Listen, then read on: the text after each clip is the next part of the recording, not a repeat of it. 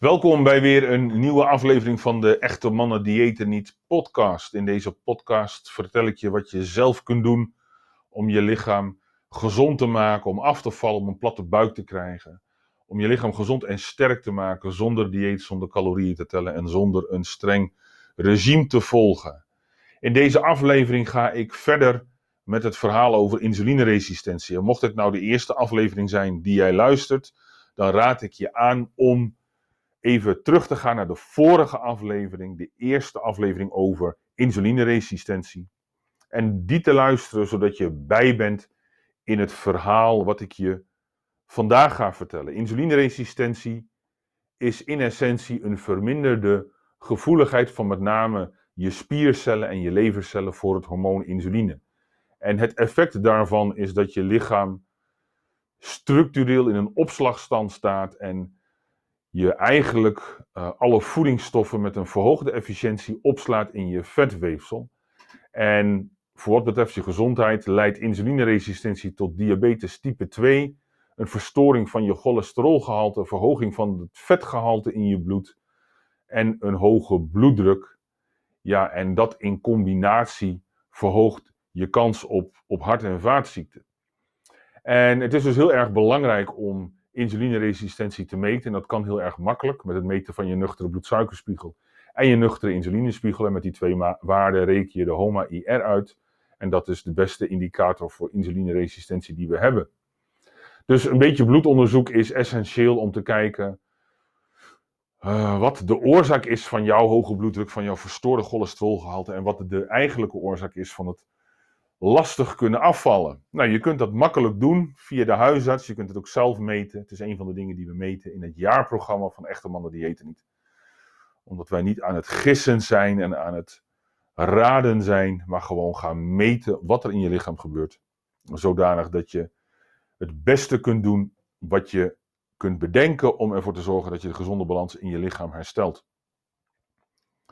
Um, er zijn nog een paar dingen die ik wil zeggen over het effect van insulineresistentie. En een van de dingen die belangrijk is, is dat er een relatie zit tussen insulineresistentie en in het verlengde van, daarvan diabetes type 2 en het overlijden aan COVID-19.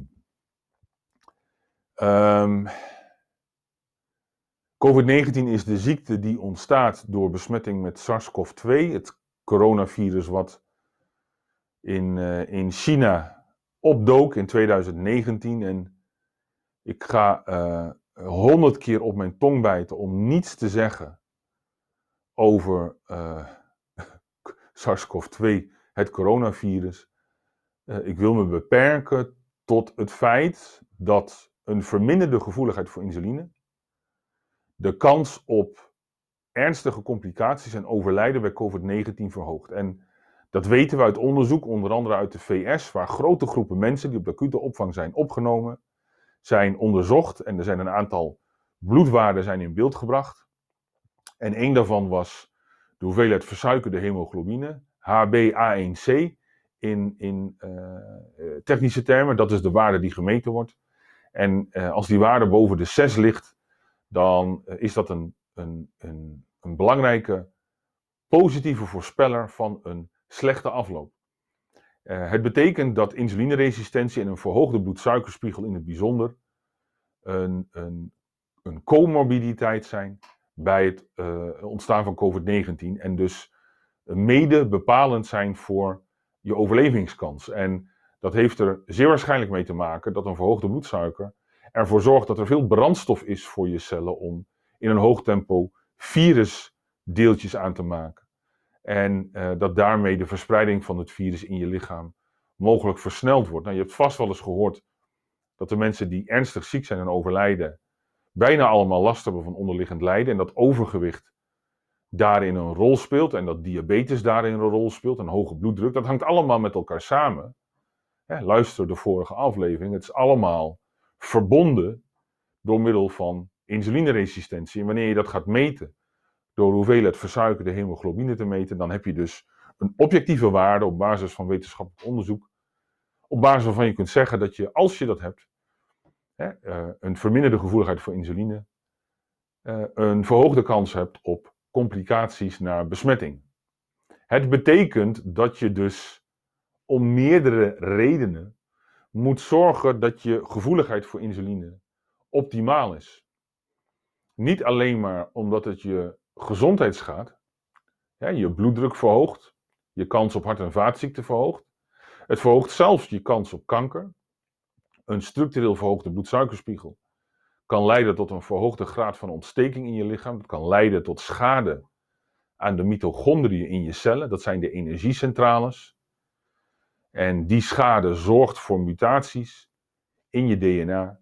En die worden niet hersteld. Die cellen gaan niet dood. Die cellen blijven leven.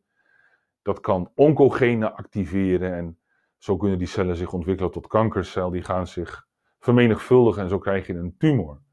Dat proces wordt uitvoerig beschreven in het boek Kankervrij van William Kortvriend. Is in 2021 uitgekomen, zeg ik uit mijn hoofd. Zeer de moeite waard om te lezen, omdat je dat wat concrete handvatten gaat geven over hoe je door middel van leefstijl je kans op kanker aanzienlijk kunt verkleinen. En insulineresistentie speelt in het hele verhaal een sleutelrol. In de vorige aflevering heb ik al gezegd dat daar waar infectieziektes ons duizenden jaren de das om hebben gedaan, is het tegenwoordig het ontstaan van kleine laaggradige subklinische ontstekingen in ons lichaam, die zorgen voor de meeste problemen.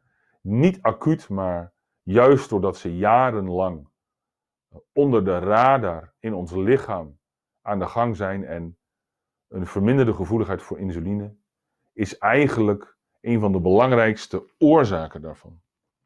Dus het is heel erg belangrijk dat je die gevoeligheid voor insuline optimaal houdt.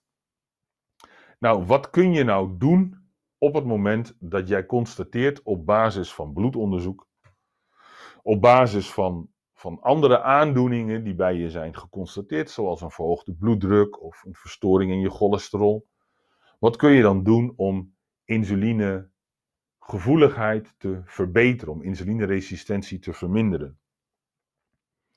En dit is eigenlijk, wat mij betreft, het, het mooiste van het hele verhaal. En het is ook precies de reden waarom ik met echte mannen diëten niet ben begonnen. Want wanneer je kijkt naar hoe insulineresistentie in je lichaam ontstaat, en vervolgens kijk je naar hoe je dat kunt terugdringen, dan is het heel erg simpel. Wat je wil, is dat je iets doet aan die oneindige aanvoer van glucose en vetten in je bloed, dat je dat vermindert, dat je dat een tijdje stopt, hè, zodat je niet nog meer olie op het vuur gooit. En aan de andere kant wil je ervoor zorgen dat je lichaam die suikers en die vetten die er al zijn, dat die gebruikt gaan worden. Ik heb je al gezegd, dat heb ik je gezegd in de vorige aflevering, dat insulineresistentie ontstaat in eerste instantie door een verstoring van de opslag van vetten en suikers in je spieren en in je lever. Die verstoring ontstaat doordat die vetdruppels in je spieren overvol zitten. Dus wanneer je een tijdje niets eet, en wanneer je het lichaam dus de kans geeft om de suikers en de vetten die in je spieren, in je lever en in je bloed zitten, om die te gaan gebruiken, om dat te verlagen, ja, dan zie je langzamerhand dat insuline ook naar beneden gaat. En dat is niet een proces van een paar uur. Dat is een proces van meerdere dagen, meerdere weken. Maar wanneer je de balans tussen voeden en vasten herstelt, wanneer je ophoudt om van ochtends vroeg tot avonds laat insuline te stimuleren, door suiker in je koffie te nemen s ochtends en s'avonds nog een glaasje cola te drinken, en dan maakt het helemaal geen zak uit of je veel of weinig eet. Maar als je de hele dag door blijft eten, blijf je de hele dag door insuline produceren, is er dus nooit een moment waarin je lichaam gaat interen op die reserves. Dus het herstellen van de natuurlijke balans tussen voeden en vasten is de eerste stap. Nou, ik heb in een vorige aflevering aangegeven dat die balans begint bij 12 uur eten, 12 uur vasten. Maar wanneer jij insulineresistent bent, zul je die periode van vasten moeten verlengen. Sterker nog, er zitten mannen in mijn programma die meer dan 20 uur per dag vasten. De Amerikaanse nefroloog Jason Fung, Dr. Jason Fung. Nefroloog is een nierspecialist. Die behandelt mensen die diabetes hebben met therapeutisch vasten. En die laat mensen soms wel 36 uur of 48 uur vasten. Het is de beste manier om je gevoeligheid voor insuline te herstellen. Gewoon door een wat langere tijd niets te eten. Het lichaam de gelegenheid te geven de vetten en suikers in je bloed en in je cellen te gaan gebruiken. Dus dat betekent dat je niet de hele dag op je bed moet leggen en op een stoel moet zitten en niks moet doen, maar dat je in beweging moet komen. En dan zie je, en dat zijn gewoon wetenschappelijke studies die hij met een heel team heeft gedaan, dat zelfs mensen met diabetes type 2, dus die al zo insulineresistent zijn, dat ze medicijnen moeten gebruiken om hun bloedsuikerspiegel onder controle te houden, anders gaan ze, ja, gaan ze dood. Zelfs die mensen, na drie, vier weken, hebben geen insuline meer nodig om die bloedsuikerspiegel te controleren. Hij, met therapeutisch vasten, dringt hij diabetes type 2 helemaal terug. En dat betekent dat, dat je dat zelf ook kunt doen. Je kunt dus zelf door wat langer te vasten en dan een kortere periode te eten. En vervolgens in die periode dat je gaat vasten te gaan bewegen. En hoe meer insulineresistent je bent, hoe intensiever dat moet zijn. dus mijn advies in algemene zin is om nuchter te bewegen en dan extensief te bewegen. Dus wandelen en fietsen. Dat teert op met name vet. Dus voor afvallen is dat logisch. Maar wanneer je insulineresistent bent en je dus veel te veel suikers in je systeem hebt, dan wil je in die periode van vasten ook intensief gaan trainen. Dus dat kan krachttraining zijn, wat de beste manier is om een hoop suiker te verbranden. Want die krachttrainingsoefeningen die draaien op suiker, niet op vet. Maar je kan ook hoogintensieve intervallen doen. Hè, door, door sprintjes te trekken en te wandelen. Door de bult op te lopen en weer naar beneden te gaan. Dus intensiever sporten in de periode dat je niets eet, is ja, een van de meest effectieve manieren om je bloedsuikerspiegel naar beneden te krijgen en daarmee ook je insulinespiegel te laten zakken.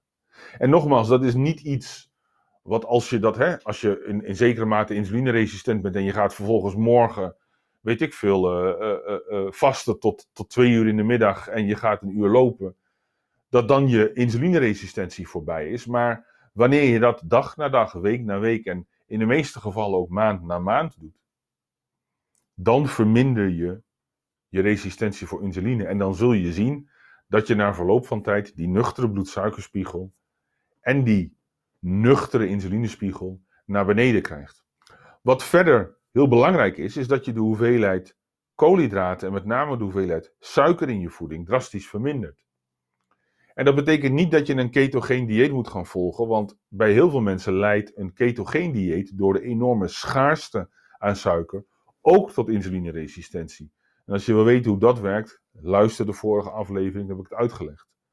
Maar je kunt van het algemene advies om 70% van je dagelijkse energie uit koolhydraten te halen, wat gewoon echt een dom advies is, maar dat is wat het Voedingscentrum en de Gezondheidsraad adviseert, kun je naar een natuurlijke inname van ergens tussen de 20 en 40 gram. En dat betekent voor een gezonde volwassen man tussen de 100 en 150 gram koolhydraten. Wanneer je dat vervolgens haalt uit bronnen zoals fruit en groenten en eventueel, eventueel zeg ik, aardappelen of, of havermout of bonen, wat allemaal bronnen zijn van, van koolhydraten die een gering effect hebben op je bloedsuikerspiegel, dan doe je twee dingen. De hoeveelheid suiker verminder je en het tempo waarin die suikers je bloed bereiken verminder je ook. En dat betekent dat je niet nog meer olie op het vuur gooit. Dus ik heb wel eens gehoord van, van een kennis van me, die diabetes, die, die vervolgens zegt, ja, als ik een bord pasta ga eten, dan moet ik 30 eenheden insuline zetten. En dan denk ik, je bent diabetes, je hoort helemaal geen pasta te eten. Weet je wel, ga andere dingen eten. En, en, en het laat alleen maar zien dat ook in de huidige manier waarop we diabetes behandelen, waarbij we mensen insuline geven, wat nou eigenlijk de oorzaak is van uiteindelijk diabetes, hè, een verhoogde hoeveelheid insuline Dat, is dat, is een, dat is insulineresistentie. Dat leidt tot diabetes type 2. Vervolgens krijg je de diagnose diabetes type 2. En als dan metformine niet meer werkt, dan moet er insuline gespoten worden. En zo las ik ooit dat er een arts heel erg blij was dat hij eindelijk de bloedsuikerspiegel van zijn patiënt onder controle kreeg, omdat hij 400 eenheden insuline injecteerde. Nou, ga bij een willekeurig gezond persoon over een dag 400 eenheden insuline uh, injecteren en die persoon is hartstikke dood. Dus het laat maar zien hoe in sommige gevallen het meest fundamentele principe van hoe ontstaat iets en wat kan ik eraan doen, zelfs bij een medisch specialist, eigenlijk volledig buiten beeld is. Het is belangrijk dat je lang vast, korter eet en dat je de hoeveelheid suikers en de hoeveelheid koolhydraten in je voeding vermindert. En wanneer je echt, echt insulineresistent bent of diabetes hebt, dan zul je die koolhydraten gewoon weg moeten laten. En zul je ervoor moeten zorgen dat je vooral eiwitten en gezonde vetten eet. Maar wanneer je een beetje insulineresistent bent, dan is een reductie van de hoeveelheid koolhydraten. Het verkorten van de tijd dat je eet en intensief sporten in die periode dat je niets eet. De beste manier om uh, insulineresistentie te verminderen. Zo simpel is het. En dan is het gewoon een kwestie van een tijd lang doen. En dat kan drie maanden zijn, dat kan zes maanden zijn. Maar wanneer je aan het begin een bloedtestje doet, door je nuchtere uh, bloedsuiker te meten en je nuchtere insuline te meten. En daar komt uit dat je insulineresistent bent, kun je dat na drie maanden of na zes maanden nog een keer doen. Met gewoon de simpele interventie. De balans tussen vasten en voeden, oorspronkelijke voeding eten met een lager aandeel koolhydraten en een hoger aandeel eiwit en gezonde vetten en nuchter te gaan bewegen. En dat zijn, dat zijn hè, de pijlers van echte mannen diëten niet. En krachttraining speelt daar een cruciale rol in, want de plek waar je veel suikers gebruikt is in je spieren. Wanneer je intensief met gewichten gaat trainen, dan ja, gebruik je eigenlijk vooral suikers. Dus wanneer je die suikers uit je reserves haalt en je vult dat niet iedere keer aan met grote hoeveelheden koolhydraten en grote hoeveelheden suiker, je laat het bewerkte voedsel staan, waardoor je niet vetten en suikers tegelijk in je systeem krijgt, dan kun je zelf insulineresistentie verminderen. En dan zul je dus merken dat je bloeddruk gaat zakken. Je zult merken dat je cholesterol verbetert. Je zult merken dat je afvalt. En je zult ook merken dat je meer energie krijgt. En dat is iets wat ik in de vorige aflevering nog niet heb uh, uitgelegd. Maar wanneer je insulineresistent bent, en je lichaam die voedingsstoffen met een verhoogde efficiëntie opslaat in je vetweefsel, uh, dan komen die voedingsstoffen, met name die suikers die je lichaam ook energie geven en die vetten die je lichaam energie geven, die komen niet in de weefsels die ze nodig hebben. Die verhoogde hoeveelheid insuline, die sluist al die voedingsstoffen met een verhoogde snelheid naar je vetweefsel. Dus dat betekent dat je eigenlijk altijd honger hebt, want hè, je, je, je, je lichaam raakt niet gevoed de weefsels die het nodig hebben, krijgen niet de energie. Je hebt honger, je bent moe en je wordt alsmaar dikker. Dat is insulineresistentie. En, en ja, wanneer je dat weet, dat is een hormonale soep, een, een vieze hormonale soep, maar het is een hormonale soep. En wanneer je dat weet, hoe logisch is het dan dat je begint met afvallen door uh, calorieën te gaan tellen? Ik, ik, ik, ik blijf me verbazen over het feit dat ja, dat ook mensen die dan uh, voedingsdeskundigen zijn of een ander gaan begeleiden, dat die niet eens de moeite nemen om iemand eventjes een klein bloedtestje te laten doen om te, te zien wat er in het lichaam aan de hand is. Maar gewoon maar een dieet voorschrijven, iets gestandaardiseerd, wat tegenwoordig allemaal laag in koolhydraten is. En dan, ja, zie maar. En dan nog van ochtends vroeg tot avonds laat. Hè? Zes keer per dag eten. Dat is wel belangrijk. Het is belangrijk dat je regelmatig eet. Dus, dus we blijven insuline stimuleren. Ook al is het dan een cracker met een klein beetje jam. En is het een bakje yoghurt met wat muesli. En is het geen eh, gevulde koek, maar een sultana. En is het een, een klein bordje pasta, maar volkoren pasta.